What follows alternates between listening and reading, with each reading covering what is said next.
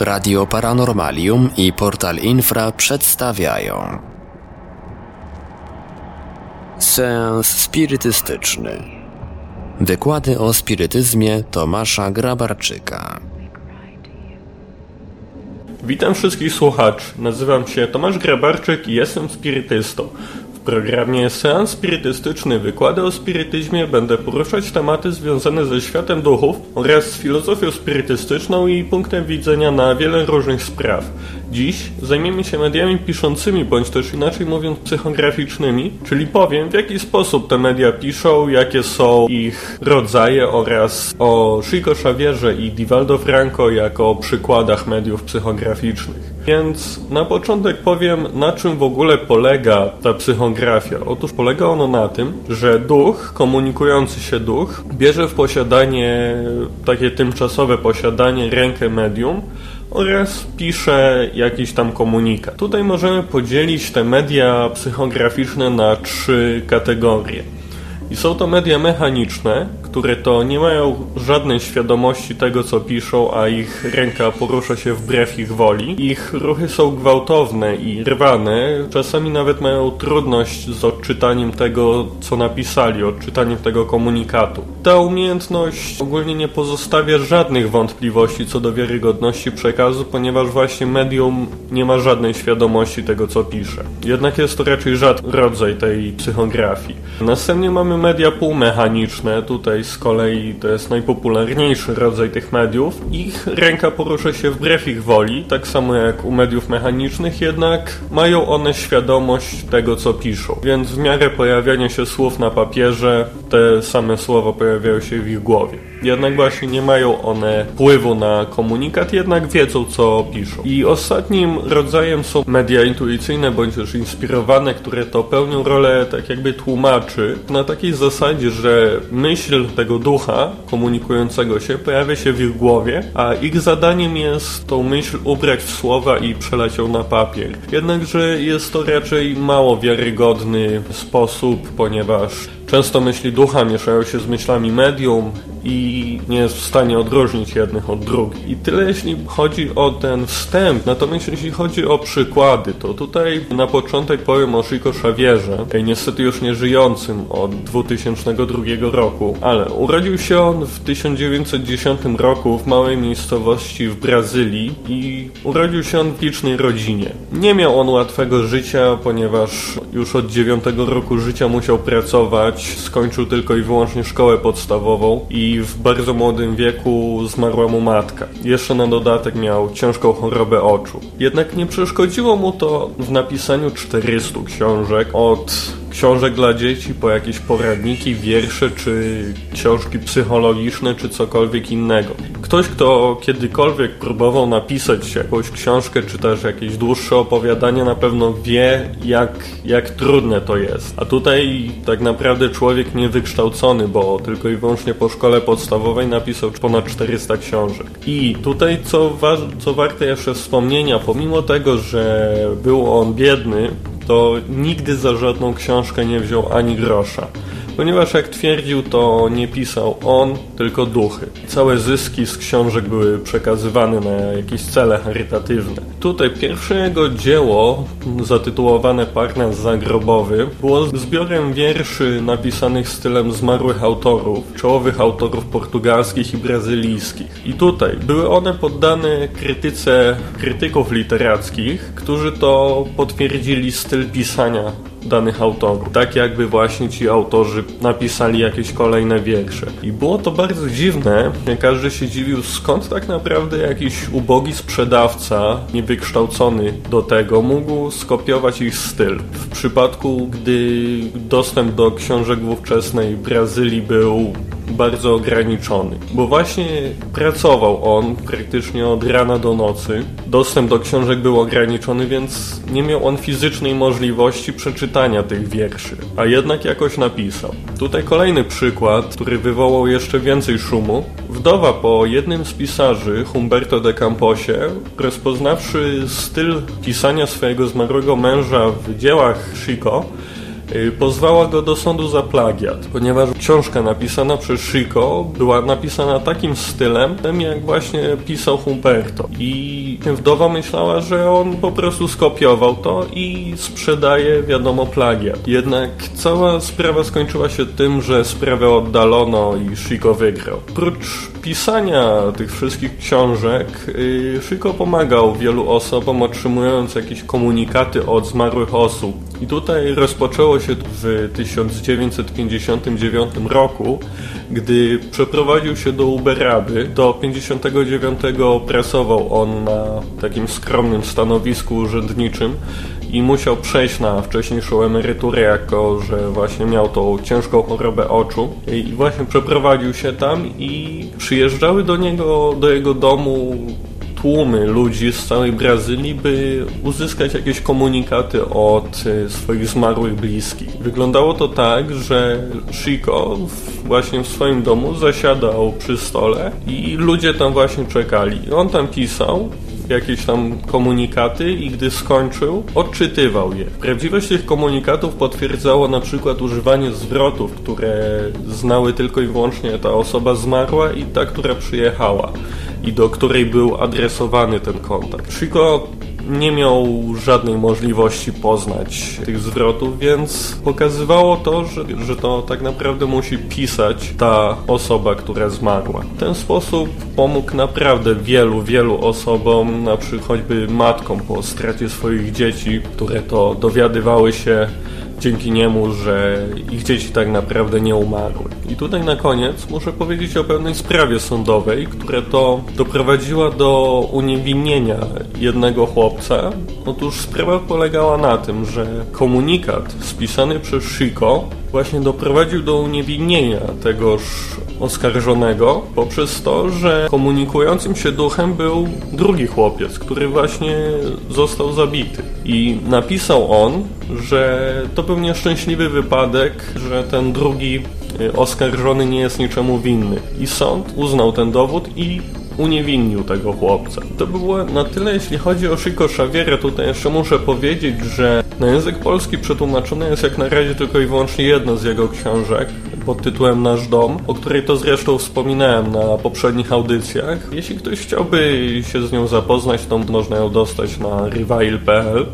Jeśli chodzi o filmy, ponieważ powstały cztery filmy związane z Chico. Pierwszym filmem jest film biograficzny pod tytułem Chico Xavier, który to opowiada o trochę o dzieciństwie Chico oraz o całej jego pracy mediumicznej oraz trzy adaptacje książek Nasz dom, Matki Chico Xaviera oraz I życie toczy się dalej. O tyle o ile Nasz dom i Matki Chico Xaviera już mają napisy przetłumaczone w języku polskim. Jeśli ktoś chciałby dostać te napisy, to może do mnie napisać. Y, o tyle jeszcze do i życie toczy się dalej jeszcze nie ma. Kolejnym medium, o którym chcę powiedzieć jest Divaldo Franco, y, który to urodził się w 1927 roku. Również ja, tak jak Chico, jest Brazylijczykiem i oprócz tego, że jest medium, to jest on mówcą spirytystycznym. Jak mówił, podróżuje on ponad 200 dni w roku. Jednak te wszystkie podróże nie przeszkadzają mu w napisaniu ponad już 200 książek i nikt nie mówi, że skończył, ponieważ nadal pisze. I co ciekawe, śpi on po 3-4 godziny dziennie, jednak to nie przeszkadza mu w zachowaniu doskonałego zdrowia pomimo jego wieku już 85 lat. Ponieważ jak mówi, pisze z rana, pisze te książki z rana i gdy pisze, to śpi. Tak jak Chico, Divaldo nigdy nie wziął ani grosza za sprzedaż swoich książek. Zyski ze sprzedaży są przekazywane na cele charytatywne oraz na założony przez niego i jego kuzyna Dom Drogi. To jest ośrodek charytatywny w Brazylii, w Salwadorze, który to codziennie pomaga ponad 3000 ludzi. Chodzi tutaj zarówno o jakąś opiekę medyczną, psychologiczną, edukacyjną, cała masa tego jest. I co muszę tutaj wspomnieć, w momencie zakładania tego Domu Drogi w Salwadorze dochodziło praktycznie do jednego morderstwa, czy nawet więcej dziennie. A jak dom drogi zaczął funkcjonować, to już to praktycznie zanikło.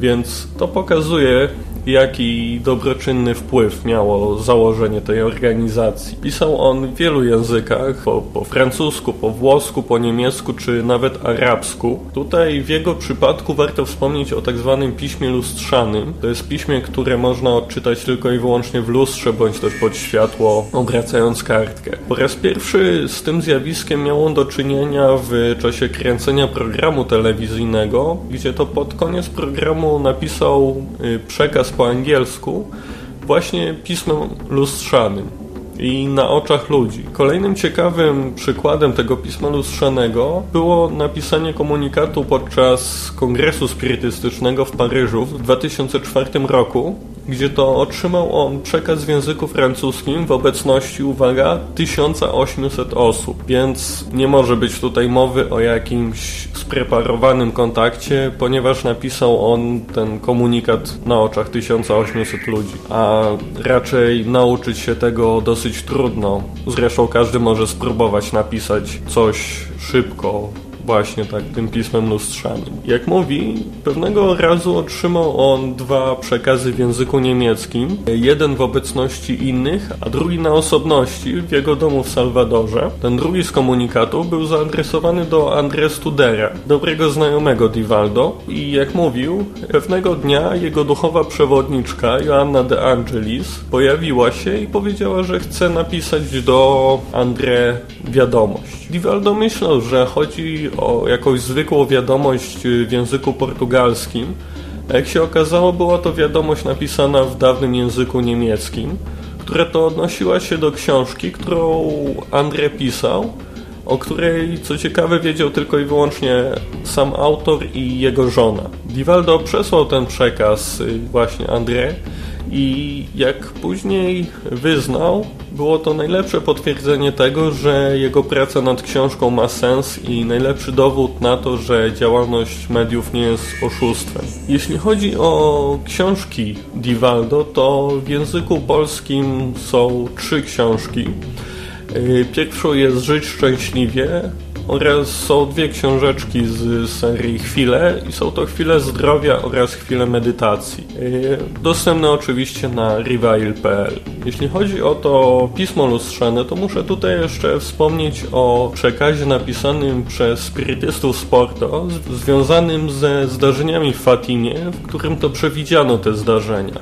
Pełny artykuł na ten temat można znaleźć na infra.org.pl. Jak zostało tam powiedziane, to dwie grupy spirytystów z Lizbony i z Porto yy, otrzymały przekazy, w którym to zostało przepowiedziane, że 13 maja dojdzie do wydarzenia na skalę historyczną. Tutaj co ciekawe, te dwie grupy otrzymały tą samą wiadomość, jednak nie mieli oni ze sobą jakiegokolwiek związku, jako że pochodzili z różnych miast, dodatkowo oddalonych od miejsca, gdzie troje dzieci doznało wizji Maryi, więc nie mogli ze sobą jakoś się zmówić, żeby napisać to samo. To zdarzenie pokazuje, że udział w tym wszystkim miały duchy, bo w końcu w jaki inny racjonalny sposób te dwie grupy mogły uzyskać tak samo brzmiący kontakt. I to wydarzenie zgadza się y, z ogólną zasadą przyjmowania jakiegoś kontaktu otrzymanego przez duchy za wiarygodny, o którym to mówił y, Kardek. Chodzi w nim o to, że jeśli grupa spirytystyczna otrzymuje odpowiedź na jakieś pytanie, to nie powinna ona od razu brać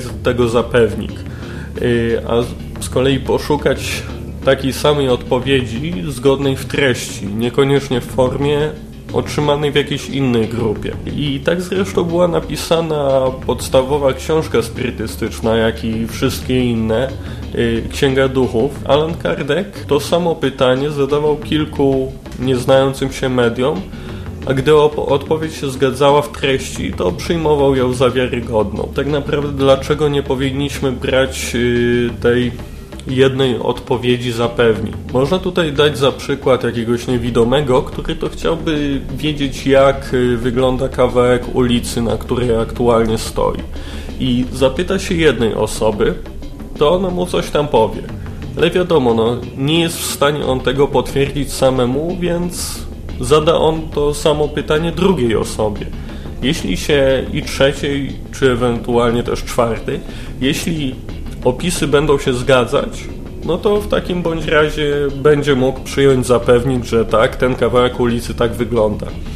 Natomiast właśnie jeśli by poprzestał na tej jednej osobie, to ta jedna osoba mogłaby kłamać, czy jakiś żart zrobić, czy cokolwiek. I to samo jest w przypadku duchów. Jeśli weźmiemy za pewnik jedną odpowiedź, to możemy trafić na jakiegoś ducha, który chce się nami pobawić, yy, daje nam jakąś odpowiedź, nieprawdziwą odpowiedź, a my ją przyjmiemy i nie będziemy szukać dalej.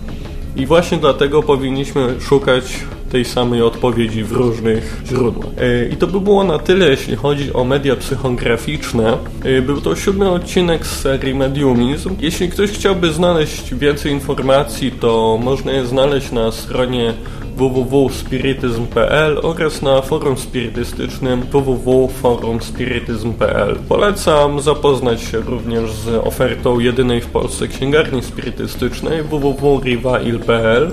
Można na niej znaleźć wszystkie książki, o których wspominałem na tej audycji oraz wiele innych godnych polecenia książek. Można tam również znaleźć y, pierwsze po wojnie czasopismo spirytystyczne pod tytułem Spirytyzm. Y, jest to czasopismo wydawane przez Polskie Towarzystwo Studiów Spirytystycznych. Jeśli ktoś chciałby mi zadać jakieś pytanie, czy skontaktować się ze mną, to proszę pisać na adres tomasz.grabarczyk.spirytyzm.gmail.com W następnym odcinku będę mówił o medialności u zwierząt. A na koniec cytat Joanny de Angelis, pisany ręką Divaldo Franco. Nigdy nie przedkładaj swoich potrzeb i oczekiwań na rzecz tych, które mają inni ludzie. Być może ty, jako duch, nauczyłeś się działać właściwie, jednak być może inni jeszcze się tego nie nauczyli. Dziękuję bardzo i do usłyszenia. Produkcja i realizacja Portal Infra www.infra.org.pl